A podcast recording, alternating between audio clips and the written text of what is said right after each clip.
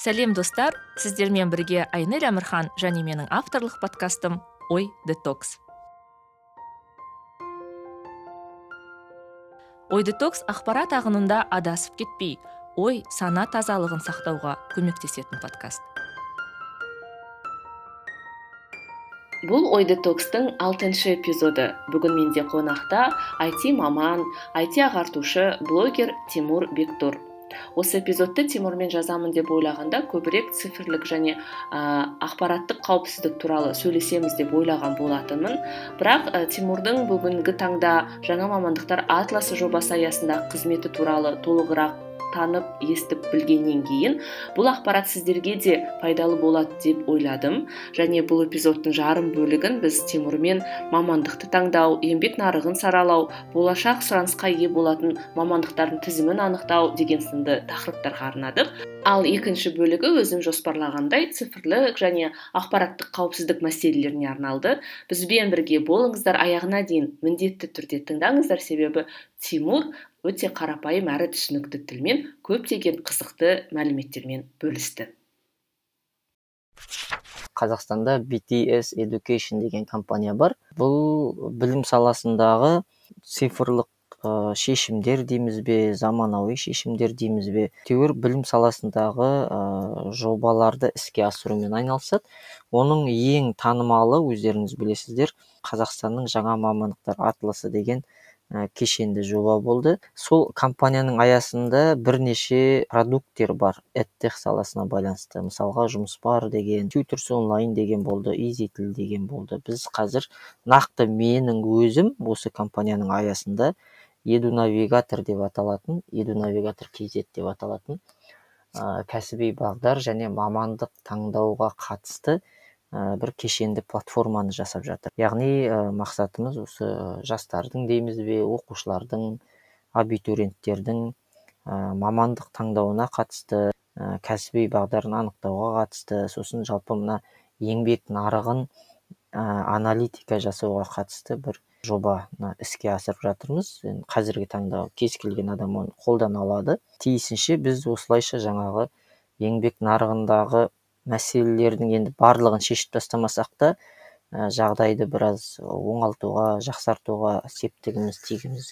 тигізгіміз келеді. Себебі өзіңіз білесіз қазіргі таңда университет бітірген колледж бітірген жалпы жоғары оқу орнын бітірген азаматтардың елу алпыс пайызы өз мамандығы бойынша жұмыс істемейді екен. Бұл анау атамекеннің сауалнамасы бойынша. Енді менің жеке аккаунтыма да көп жастар жазып жатады. Мысалға екінші курста оқимын үшінші курста оқимын мамандығымды мүлдем ұнатпаймын бітіргесін қайда барып қалай жұмыс істеуді білмеймін. Грант үшін түсе салып едім енді шығып кетсем әке шешемнен ұялып жүрмін деген сияқты мәселе көп. Оның барлығы ерте бастан кәсіби бағдар жұмыстары жүргізілмегендіктен деп білеміз.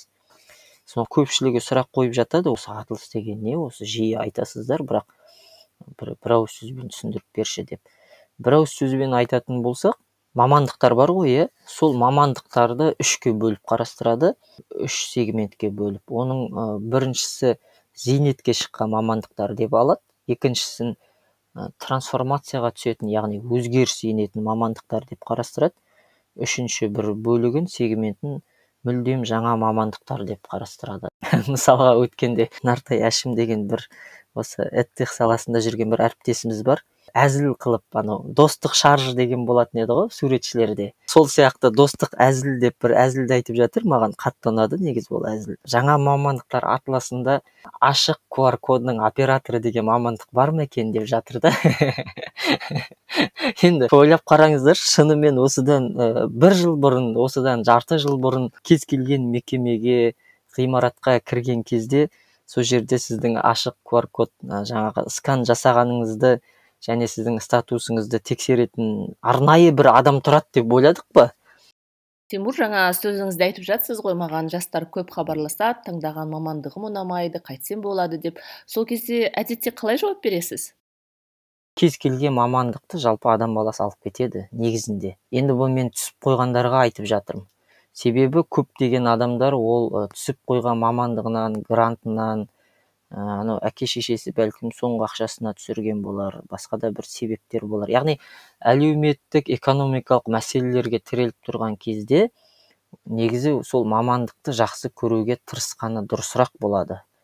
Бірақ әрине дұрысында әр адамның өзіне сай бір қабілеті болады. Мысалға кейбір адамдар көпшіл болады кейбір адамдар медицинаны жақсы көреді кейбір адамдар жан жануарды жақсы көреді. Оларға тиісінше сол ауыл шаруашылыққа ма мына өсімдікті жақсы көретіндер баптағанды далада жүргенді жақсы көретін адамдар бар. Оларға ауыл шаруашылық қажет болар. Яғни адамның өзінің қыры болады қабілеті болады. Соған қарай маманданса негізі абзалы дұрысырағы солай. Бірақ шын мәнінде мен бірақ жастармен мектеп бітіріп жатқан оқушылармен көп жұмыс істемеймін. Бірақ естіп жатсам ә, бір байқайтыным олар ә, мамандықты таңдағанда және ата анасы да таңдауға ықпал еткенде әдетте қалай ойлайды? Ақшасы бар ма жоқ па? Жұмыс табасың ба жоқ па? Осындай бір қағидаларға ғана сүйеніп іздейтін сияқты да. Ал бұған менің қабілетім бар ма маған ұнай ма деген сияқты сұрақтарға көбінесе жауап іздей бермейтін сияқты менің пікірімше. Мен бір жыл оқымай қалған адаммын. Мектепті жақсыға бітіріп үздік оқып ең жаңағы жақсы оқитын оқушылардың қатарынан бола тұра ә, бітіргеннен кейін ә, оқуға түсе алмай бір жыл ауылда қалып қойған адаммын. Себебі ә, әкем айтқан еді маған ә, бітіріп жатқан кезде. Таможныйға түс деді да. Әкемнің не ойлағанын білмеймін әйтеуір соған түсуімді бір аттай қалады енді. Мен негізі жалпы кішкене бір беткейлеу адаммын. Ә, көп өзімдікі болмаса көп адамды тыңдай бермеймін негізі. Бірақ сол жолы әкеме айтқам әке енді жарайды енді бір рет сіздің айтқаныңызды тыңдай қояйын бірақ есіңізде болсын осыдан енді грант бұйырмай қалса басқа да бір себеппен түсе алмай қалсам онда ә, келесі жылы өзім қалаған мамандыққа түсемін дегем сосын ол кісі жарайды жарайды деді сосын. Сөйтіп мен ә, таможняға жұртпен бірге тапсырдым. Енді ә, әдейі істеген жоқпын. Ә, кәдімгідей ә, емтиханнан өтіп шықтым. Бірақ ол ә, грант аз бөлінді ме? Әйтеуір әйтеуір грант бұйырмады маған. Сосын ә, ауылға келдім де сол әкеме айттым. Папа міне көрдің ғой мен ә, все болды сіздің шанс бітті енді бұйыртса келесі өзім қалаған мамандыққа түсемін дедім. Енді ол кісі ә, енді сен жақсы оқитын баласың ғой ертең ә, жаңағы ұяласың ғой сен бүкіл сыныптастарың оқуға түсіп ертең мәз майрам болып студенттер күнін тойлайды ә, жуады бір біріне со сен мазақтайды ғой енді бір ақылы болса да қалаған мамандығыңа түсіре салайын деп.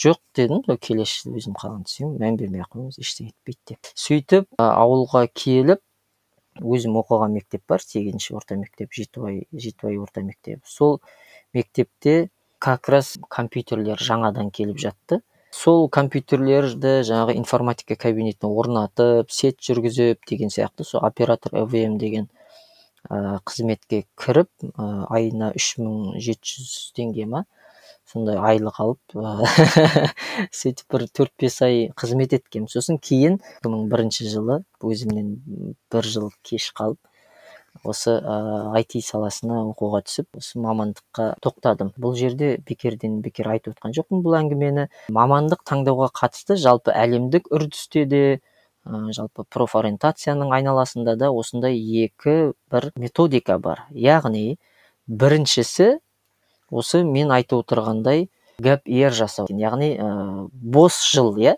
Мектеп бітіргеннен кейін бір жылды бос тастау яғни саналы түрде. Себебі сол адам бір жылда жаңағы миын босатып өзі немен болашақта қандай мамандыққа түскісі келетінін әбден ойланып ол сол бір жыл аралықта неше түрлі қол жұмысын жасап немесе ә, бір стажировкаларға барып немесе кәдімгідей қыдырып ел айналып.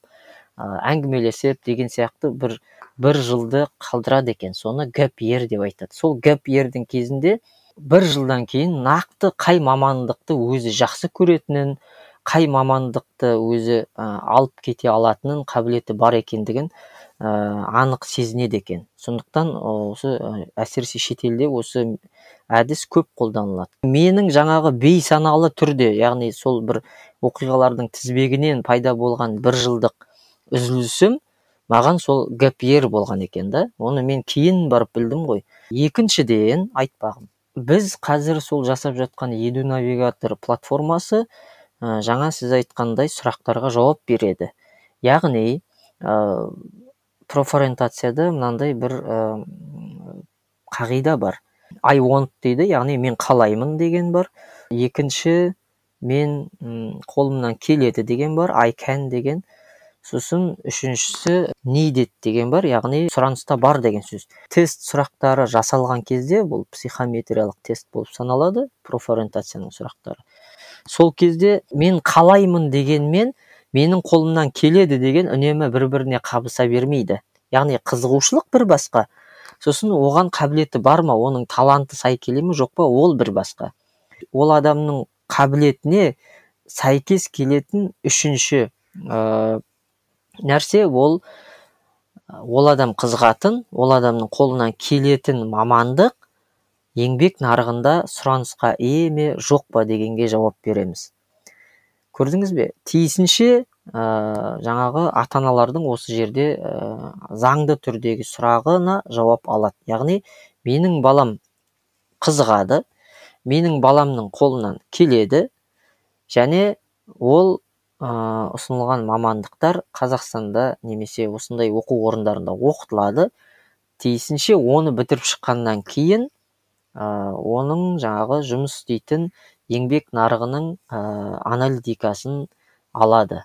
Яғни вакансиялар қандай айлығы қандай жоғарғы айлық қандай төменгі айлық қандай жұмыс режимі қандай талаптар қандай міндеттер қандай деген сияқты толыққанды аналитикалық есепті қолына ұстағаннан кейін ә, кез келген ата ана немесе абитуриент сол біздің платформаны қолдана отырып бір өзіне ә, дұрыс шешім қабылдайды деген үміттеміз. Мынау тесттен шыққандардың графикасын қарап отырсақ тест тапсырушылар әсіресе мамандық таңдаған кезде ә, бірінші кезекте өз, өзі өзін тыңдайды екен екінші кезекте әке шешесін тыңдайды екен. Үшінші кезекте ә, ағайын тумасын сосын барып достарын сосын барып айналасын ортасын. Және ең қызығы ең соңында тіпті тыңдамайды десек те болады. Өте аз бөлшекте мұғалімдерді тыңдайды екен. Тиісінше бұл мектепте жалпы мамандық таңдауға қатысты ешқандай жұмыс енді жұмыс жүргізіліп жатқан мектептер ренжімесін бірақ жалпы былай республика деңгейінде алып қарасақ мамандық таңдауға қатысты еңбек нарығына қатысты жалпы мамандықтардың сипатына түр сипатына оны ә, түсіндіруге қатысты жұмыстардың ә, кемшін екендігін анық байқауға болады. Мен бір жерден оқығаным бар. Шамамен орташа есеппен әр адам интернетте күніне үш сағаттай уақыт өткізеді екен. Пандемия кезінде бұл көрсеткіш артпаса кемімегені белгілі. Жалпы енді телефон біздің бір денеміздің мүшесі іспеттес болып кетті. Осы ретте ақпараттық қауіпсіздікті қалай сақтауға болады? Жалпы цифрлық гигиена дегеніміз не? Цифрлық қауіпсіздік немесе ақпараттық қауіпсіздік дейміз немесе ақпараттық техникалық қауіпсіздік дейміз. Бұл тіпті оның ішіне кибер қауіпсіздікті де шығарып алуға болады. Бұл ә, қазіргі таңда енді осы ә, негізі бұл бұған дейін де өзекті еді ғой бірақ қазір мүлдем өзекті болып келе жатыр және осы бүгіннен бастап ертеңнен бастап одан сайын өзекті болады. Мәселен біз ә, тас дәуірінде өмір сүрдік иә адам баласы. Ол кезде ә, әркім біздің үңгірімізге кіріп шыға беретін яғни қауіпсіздік жөнінде ешкім ойлаған жоқ. Қауіпсіздік ол кезде бәлкім ұйықтап жатқанда ә, жаңағы тастан жасалған найзаңды пышағыңды құшақтап жату болған шығар. Ә, одан кейін енді адамдар үңгірден шығып өзіне бір үй қамал сала бастаған кезде есік деген дүниені ойлап тапты. Сосын ол есік басында тек жабылатын болды. Одан кейін күршікпен іштен ілініп алынатын болды.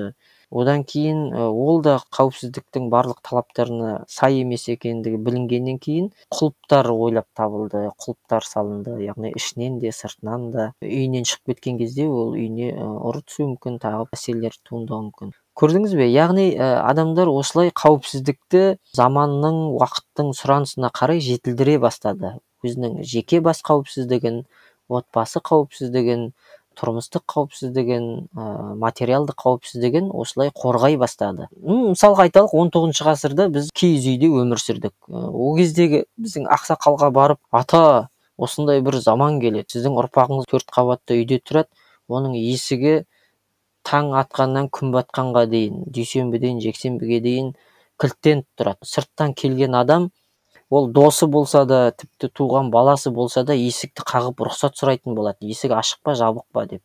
Ол сосын бір арнайы бір адам барып ол есіктің құлпын ашады іштен. Сосын барып ол кіреді. Сосын ол құлыпты қайтадан жауып қояды. Сондай заман келеді десе ол таң қалар еді да. Бұл не заман болып кетті сонда деп. Яғни ә, айтпағым біз ә, қазір енді ә, технология дендеп енді ә, бізде интернет банкинг пайда болды бізде электронды кошелек пайда болды бізде ә, онлайн обмен пайда болды біздің ақшаларымыз цифрланды біздің өміріміз цифрланды біздің ә, жаңа қазір диджитал егіз деген сөз шығып жатыр. Диджитал егіз біздің интернеттегі жаңағы профайлдарымыз біздің диджитал іздеріміз бар. Біздің неше түрлі жаңа қорғауға қажетті активтеріміз бар. Ол электронды поштамыз болсын әлеуметтік желідегі аккаунттарымыз болсын неше түрлі профайлдарымыз болсын жұмысқа қатысты бағдарламалық құралдардың аккаунттары болсын иә?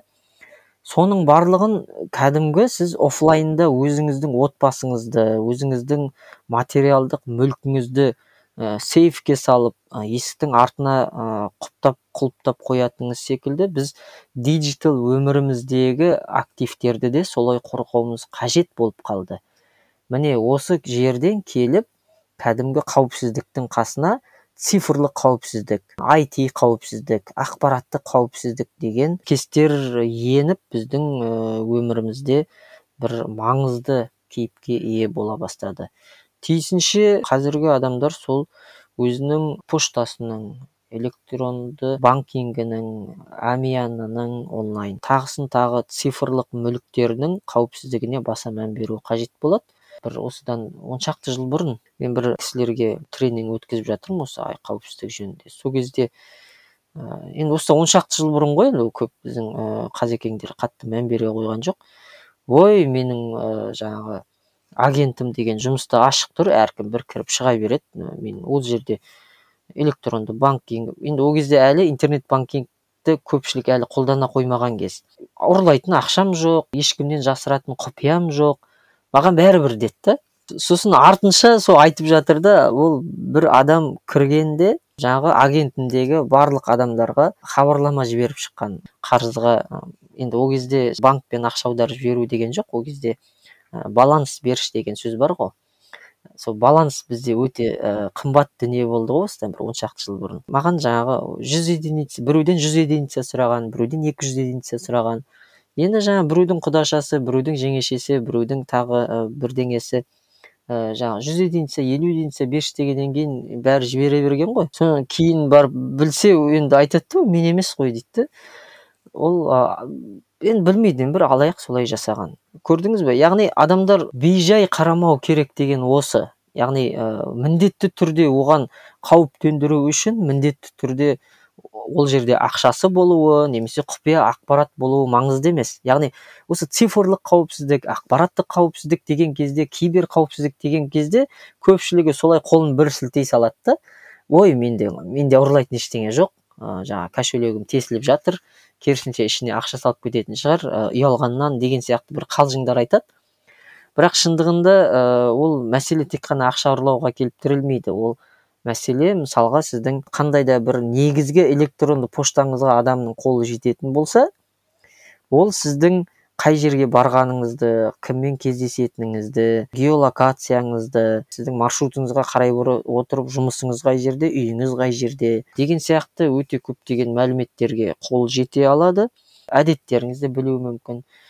Ол мәліметті адам сіздің енді отбасыңызға қатысты жеке басыңызға қатысты қызметіңізге қатысты мансабыңызға қатысты тіпті алаяқтық мақсатта немесе жай ғана абыройыңызды төгу мақсатында неше тіпті марк ең қарапайым жаңа орысша айтқанда безобидный вариантының өзі сізге толған кәдімгідей басыңызды көтере алмайтындай спам мақсатында да қолдануы мүмкін. Кибер қауіпсіздік ол сіздің компьютеріңізге вирус жіберумен ғана шектеліп қалмайды. Ол сонымен бірге бәлкім бет әлпетіңізді ұрлауы мүмкін. Оның ар жағына былай қазбалап кете берсек қазір deepfake деген шықты. Мысалға ә, дәл сіз сөйлеп отырған видеоны бәлкім балағат айтып отырған немесе жағымсыз бір нәрсе айтып отырған видеоны біреуге жіберуі мүмкін. Ал ол дипфейк арқылы жасалған. Яғни сіз емес оны. Видеода да сіз емес дауыс та сіз емес түр де сіз емес. Бірақ дипфейк арқылы яғни жасанды интеллект технологиясы арқылы қазір солай жасау әбден мүмкін.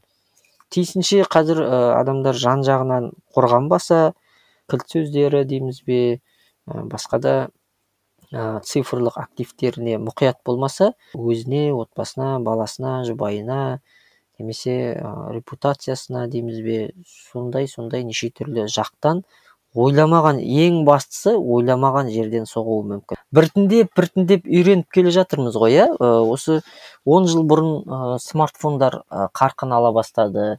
15 жыл бұрын жай ғана ә, кнопкалы телефон болды. 20 жыл бұрын ә, дисковый үйдегі телефон болды. 30 жыл бұрын ә, телефонды тек ә, бастықтар ғана ұстады. 40 жыл бұрын ә, телефон болған жоқ ә, хатпен жүрдік деген сияқты. Яғни біз біртіндеп біртіндеп үйреніп келе жатқаннан кейін біз осы технологияны қалай меңгеріп алғанымызды өзіміз білмей қалдық. Бірақ ә, сізге айтар болса мысалға ә, журналист болсаңыз немесе дәрігер болсаңыз немесе айталық сол ә, қаржы саласының маманы болсаңыз осыдан 30 жыл бұрын сізге айтса ә, осындай бір күн келеді. Сол кезде ә, бухгалтер бухгалтерия ә, жаңағы ә, учет аудит деген болмайды. Осындай ә, бір құрылғы сіздің орныңызға барлығын жасайды десе оғалай деген сұрақ қояр еді да. Бұл мүмкін емес деген сияқты. Мен сондай бұл IT саласының маманы болуым керек пе мен технолог болуым керек пе деген сияқты сұрақтар қойылар еді. Немесе қазір анау медицина саласында ә, экг түсіріп жүрген мрт мен айналысатын ә, компьютерлік томографияның мамандары бар ғой. Оларға да осыдан бір қырық елу жыл бұрын айтса осындай бір технология болады сіздер сол жерде шыққан. Сіздің тек бар бар жұмысыңыз ана адамды аппаратқа кіргізіп шығару ә, содан кейін ә, шыққан ә, нәтижені ә, пленкадан оқу болады десе бұғалай деген сұрақтар қойылуы мүмкін еді. Яғни біз технология біздің өмірімізге біртіндеп біртіндеп енгеннен кейін біз қалай жартылай технологиялық ә, сауатты болғанымызды білмей жатырмыз да. Бірақ екінші жағынан мысалға кеше пандемияның кезінде қанша адамның осы ә, цифрлық сауатты кейінге ысыра бергенінің нәтижесінде қарапайым ғана өзінің электронды цифрлық қолтаңбасын ә, электронды үкіметтен алып оның ішіне өзінің аккаунтын жасап қандай да бір ә, мемлекеттен қажет болатын қызметтерді алуға да қабілеті жоғын байқадық. Көрдіңіздер ме? Яғни бүкіл әлемге бүкіл ә, халыққа бүкіл елге ә, қандай да бір ә, деңгейде бәрібір технологиялық деңгейде сауатты болу қажет болады. Себебі заманның талабы осы. Осы ретте былтыр ә, пандемия уақытысында екі айда үйде отырған кезде реттік қырық екі мың бес жүз теңге көлемінде жәрдемақы төленді. Есіңізде болса сол кезде елдің бәрі еговпен жаңадан танысқандай болды. Жалпы интернет телефон ә, өзге де гаджеттерді тек қана көңіл көтеру құралы ретінде емес қандай да бір пайда көру құралы ретінде де жаңадан ашқан адамдардың қатары көп болған сияқты болып көрінді маған. Иә яғни осы жерде бір қыстыра кетейінші. Ә, мысалға енді ойлап қараңызшы сіз ә, таңертең тұрып жұмысыңыздан сұранып ә, немесе өзіңіз жаңағы отбасылық уақытыңыз болса соны қиып ә, халыққа қызмет көрсету орталығына барып ол жерден кезек күтіп сондағы бір жапырақ қағаз алайын деп жүргеніңіз.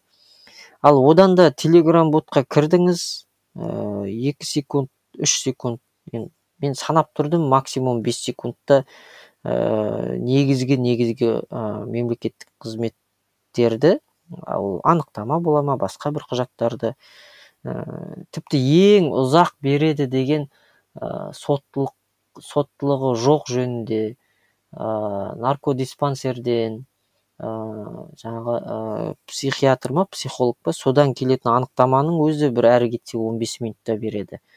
Ал көрдіңіз бе адамдар яғни өзінің өмірлерін өздері қиындатады да ой құрсыншы одан да жаңағы соңға барып ала салайыншы деген сияқты. Бұл ә, жай ғана мысал болғанымен ә, бұл біздің барлық ә, саладағы барлық мамандық иелеріне тән нәрсе. Яғни әркім өзінің саласына қатысты технологияны меңгерсе негізі өмірі жақсара түседі. Өмірі жақсарады ә, жүйке жүйесі кішкене тыншиды. Ә, айлығы жоғаруы мүмкін технологияны меңгергеннен кейін. Отбасылық өмір жақсаруы мүмкін. Барлығы сол жаңағы құрысып тұрысып бұрысып ә, анау чендж менеджмент деген бар менеджментте. Адамдар жаңалық, жаңалыққа саналы да бейсаналы күйде қарсы болады екен да. Яғни оны әлі зерттеп білмейді ол пайдалы ма жақсы ма жаман ба оны әлі зерттеп білмейді. Осындай өзгеріс енгізейін деп жатырмыз десе автоматты түрде ә, тырысып қалады екен да. Сондықтан да анау дамыған елдердің менеджментінде қандай да бір мекемеге компанияға өзгеріс енгізгелі жатса ол процеске қатысты болсын процедураға қатысты болсын немесе ә, жалпы ә, мекеме ішілік ә, қарым қатынаста болсын қандай да бір жаңалық енгізгелі жатса онда соның қасында change management деген группа болады. Және ә, change advisory board деген болады кап деп айтады. Солар сол change менеджментпен айналысады. Яғни адамдарға түсіндіреді оқытады көрсетеді. Яғни біз керісінше сіздерге жақсы болуын сіздердің жұмыстарыңыздың жетілуін тез бітуін сіздердің дамуыңыз үшін осыны жасап жатырмыз деп түсіндіріп жүреді да. Яғни дамыған елдердің өзінде. Себебі адам баласы сондай ә, биологиялық бір ә, құбылыс дейміз бе тіршілік иесі. Ә, кез келген нәрсеге көзі жетпей тұрып ә, қарсы шыға береді. Сосын кейін әбден ә, жаңағы сан соғып немесе әбден көзі жеткен кешіккен уақытта барып а солай ма? деп жататын бір кезеңдер болады. Иә расында да қызық дүние. Енді сұрамай қоя алмаймын. Мысалы қазіргі ә, егофтағы кейбір ә, қосымшаларды жөндеуге ресейлік сбербанкке береді деген әңгімелер шығып жатыр. Және министрдің өзі ол тікелей эфирге де шықты түсіндіру жұмыстарын да жүргізді. Бірақ әдетте ондай кездесулерден кейін біз жауаптан гөрі сұрағымыз көбірек туындайды да. Ә, бір жағынан оған халық бөлігі немкеттер қарады. Не істесе оны істесін дегендей. Екінші бір бөлігі бұл бұдан бір қандай да бір қауіп мендігімізге нұсқан келетіндей қауіп көргендей болды. Өте екіұдай мәселе. Ә, әрине ә, бірінші бірінші кезекте қарсымыз иә? Ол қарсылығымды мен ә, ә, айттым да жаздым да өзіне ескерттім де. Бірақ ә, анау ә, цифрлық ә, бодандық тәуелсіздік дегенмен көп келсе қоймаймын.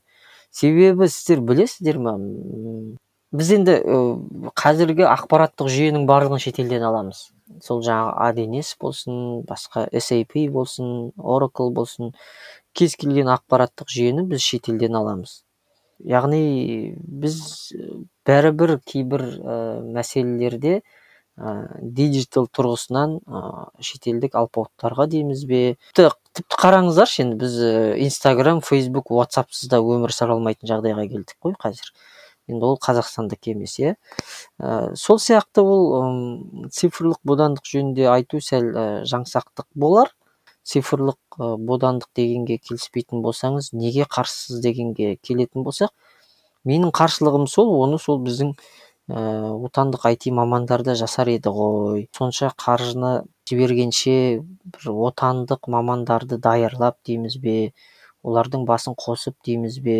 Таза кәдімгі әлемге жар салатындай ә, және өзіміздің қол астымызда болатындай бір өнімді жасай алатын едік қой деген принциптік тұрғыдағы сұрақ болды менде. Ал енді ә, қоғам бұған ә, бір бейжай қараған себебі енді осыған кейде бір сәл ренжіп те жатамыз. Қоғам енді бұны түсінбейді ғой. Сол түсінбегені қиын болып тұр. Мәселен айталық жеке азаматтардың құқын қорғайтын қандай да бір ұйымдар көшеге шығып ә, жаңағы кейбір заңдарға қарсы болып жатса былай бұқара халық түсінбейді ғой иә мыналар. Не істеп жүр өздерімен өздері деп ойлайды ғой. Қасына өтіп кете беруі мүмкін да. Яғни ну вроде бы все нормально деген сияқты. Бұл не үшін аттандап жатыр? Нормально ғой өмір. Мен жұмыстан келе жатырмын балам қасымда бақыттымын деген сияқты. Бірақ ол ә, жаңағы бас бостандығына байланысты басқа да азаматтық құқықтарға байланысты мәселені көтеретін активистер олар сол жалпы әлемдік тенденцияға қарап дамыған елдердің азаматтарының жеке бас құқықтарына қарап солардан үздік тәжірибелерді бізге әкелгісі келсе ә, біз де осы цифрлық салаға қатысты IT саласына қатысты өзгерістерді немесе кейбір келеңсіздіктерді айтсақ жалпы қоғам соны түсінбейді. Яғни сол түсінбегендіктен де бейжай қарайды. Телеграмда болсын инстаграмда болсын фейсбукте болсын жүрген жерімде болсын жастармен кездесуде болсын. Үнемі сол жаңағы цифрлық сауатты болыңыздар. Енді қараңыздаршы мен соңғы кезде былай айтатын болып жүрмін. Цифрлық сауатты болыңыздар деген ол өте жұмсақ сөз да. Яғни жарайды енді жарайды. Иә анау қаржылық сауатты болсайшы деген сөз сияқты ғой. Иә бір жаңағы ә, қаржылық сауаттылықты оқып алу керек еді дейді да қояды. Анау ә, ағылшынша үйренсейші дегенде иә бір оқу керек еді иә деген сияқты ғой. Сонымен қалып қояды да. Бірақ мен соңғы кезде былай айтатын болып жүрмін. Цифрлық сауатты болыңыздар емес цифрлық надан болмаңыздар цифрлық топас болмаңыздар деп айтатын болып жүрмін да. Себебі ол сөз адамдарға тиеді. Яғни сен цифрлық топассың сен цифрлық сен диджитал надансың десе ол адамға ә, жаңағы эгосына қатты тиеді тиісінше ол одан шығуға ұмтылады деген ойдамын. Сондықтан ә, айтпағым ә, диджитал надандықтан диджитал топастықтан сақтану керек қазіргі заманда. Себебі бұл ә, жалпы өмірдегі топастық пен өмірдегі надандық адамға қалай зиянын келтіретін болса күлкіге қалдыратын болса аш қалдыратын болса ә, масқара қылатын болса диджитал ортада да диджитал надандық пен диджитал топастық адамды дәл солай аш қалдырады ә, күлкіге қалдырады масқара қылады немесе басқа да бір келеңсіз жағдайларға тап қылады. Осы ретте екеуміздің әңгімемізді тыңдап цифрлық қауіпсіздігі жайлы ойланған бірақ неден қандай әрекеттен бастау керек екендігін білмейтін адамдарға айтар кеңестеріңіз болса мархабат.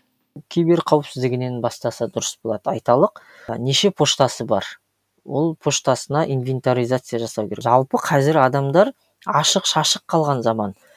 Төрт рет фейсбуктен достық ұсынады. Сосын өмірде көріп қалып ей көке мен сен неше рет достығыңды қабылдадым не қылған адамсың? десем ана аккаунтым ана телефонда кетіп қалды мына аккаунтым мына телефонда кетіп қалды. Үшіншісіне кіре алмадым төртіншісін қайттан создавать еттім деп тұрады да.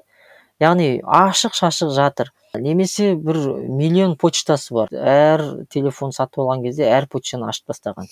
Ә, немесе Э, барлық аккаунттарына бір ғана парольді қолданады. Сол электронды поштасына да әлеуметтік желідегі аккаунтына да интернет банкингіне де бәріне бір поштаны қолданады. Оны IT қауіпсіздікте single point of failure деп айтады. Яғни бір нүкте арқылы барлық нәрсені жойып жіберудің мүмкіндігі пайда болып тұр деген сөз қаупі түсіп тұр деген сөз. Тиісінше инвентаризация яғни диджитал инвентаризация жасау керек. Так менің қанша поштам бар? Менің қанша аккаунтым бар? Олардың парольдері бөлек бөлек пе? Әлде барлығы бірдей ме? Барлығы бірдей болса барлығын бөлек бөлек жасау керек. Және оның барлығы еш жерде ашық шашық жатпау керек. Біреудің ә, поштасы жұмыста ашық жатады. Біреудің поштасы үйінде ашық жатады. Парольдің өзі жаңағы айгүл нижний пробел бір мың тоғыз жүз сексен алты деген сияқты парольдер болады. Пароль менеджмент деген бар. Яғни кемінде сегіз харекеттен тұру керек символдардан құралу керек. Бір бас әріп бір кіші әріп. Сосын цифрлар болу керек дұрысы 16 әрекеттен тұру керек деген сияқты парольдің де өзінің стандарттары бар қазіргі заманда. Ә, болмаса анау ә, екі факторлы аутентификация деген бар. Барлық ә, диджитал активке қазіргі заманда міндетті түрде екі факторлы аутентификацияны қондыру керек. Бұл must have прям өте міндетті нәрсе. Ол деген сөз сіз өзіңіздің негізгі телефон нөміріңізді банкингке де поштаға да әлеуметтік желіге де басқа да профайлдарыңызға кірген кезде шыққан кезде паролін өзгерткен кезде міндетті түрде ә, жаңағы смс арқылы екі факторлы аутентификация жасау технологиясын қосып қою керек. Оған ерінсеңіз google аутентификатор деген бар. Сол google аутентификаторды да қосып қою керек. Сол арқылы да поштаңызға біреудің баса көктеп кірмеуін аккаунтыңызды біреудің ұрлап кетпеуін жаңағы ақшаңызды біреу алып кетпеуін солай қорғай аласыз. Яғни диджитал инвентаризация жасау керек пароль менеджментпен айналысу керек және двухфакторный аутентификацияны қондыру керек. Фишинг деген жөнінде оқып алу керек. Себебі өздеріңіз білесіздер қазір қазақтардың арасында осы фишинг арқылы алдану өте кең тараған. Фишинг дегеніміз кез келген бір фейк сайт жасап соның ішіне интернет банкинг бола ма әлеуметтік желінің бола ма жаңағы логин паролін жасап қойып адамдарға неше түрлі сілтеме жіберуі мүмкін. Мысалға осындай бір компанияның 85 жылдығы тойланып жатыр. Мына форманы толтырсаң жүз мың теңге ә, ойналатын ұтысқа ие боласыз деген сияқты бір смспен немесе ватсаппен қазақтар осы ватсапта осындай сілтемелерді таратуға шебер өздері. А оған кірген адам ол міндетті түрде жаңағы логин паролін енгізеді де тиісінше жаңағы өзінің аккаунттан айырылып қалады. Немесе инстаграм аккаунтыңызды ә, біреулер бұзғалы жатыр ойбай тезірек паролін ауыстырыңыз деген спам сілтеме келеді. Ол ешқашан инстаграм ә, яғни әлеуметтік желілер адамдарға ондай хабарлама жібермейтінін адамдар сауатсыз надан болғаннан кейін оны білмейді. Сөйтеді де ол мысалға маған ең жиі хабарласатын адамдардың өтініші осы. Инстаграм аккаунтымнан айырылып қалдым оны қалай қайтарып алсам болады дейді. Енді не істедің десе ватсапқа осындай сілтеме келді баса салдым дейді.